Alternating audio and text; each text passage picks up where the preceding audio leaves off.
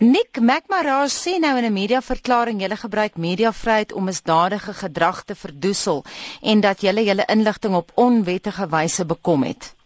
Well, that's completely untrue. I mean, we've obtained our information in fairly standard journalistic ways, and what Mr. Maharaj is trying to do is distract the public's attention away from the questions that he needs to answer about why it is that he lied to the Scorpions when they questioned him um, about contracts in an investigation flowing from the arms deal. Maar ek verstaan dan ook dat artikel 41 van die NVG wet bepaal dat mens die regte kanale moet volg en dat inligting nie net so meer bekend gemaak kan word nie. That's right. There's a not very well known and very very broad and sweeping um set of paragraphs in the NPA Act which make it illegal not to be in possession of this information which is what Mr. Maharaj claims, but, but to disclose that information.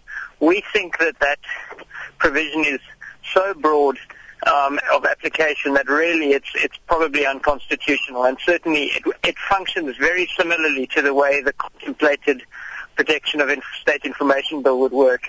Um, and we don't really think that it's, it's right in an open democracy um, for for such a, a blanket prohibition on publication to be imposed. Het julle hierdie stappe verwag? In terms of requesting permission to publish, no, we didn't, and in fact, we weren't aware of this particular clause. It's not.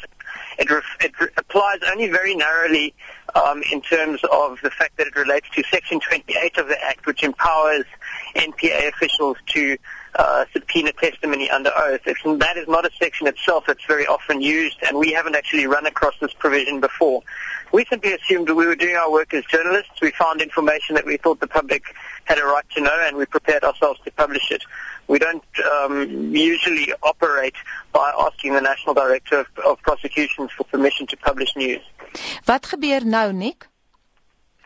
Well, there's a process that we will follow. We're going to try and test uh, the legal arrangements as they currently stand by asking the National Director for permission.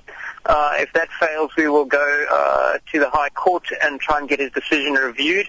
The point of this is not that we think that that's the right way to handle this kind of information, but we do think that that, that the legislation needs to be um, exposed to a tough, a tough legal test. Maar verkieslik moet dit alles nou baie vinnig gebeur want Vrydag kom julle weer uit met 'n koerant. I, I certainly hope so. We don't like to do uh, journalism by lawyer, and uh, we, we still think that Mr. Maharaj has got serious questions to answer, and we will be posing those questions again on Friday, uh, and we hope that he won't try to stop us.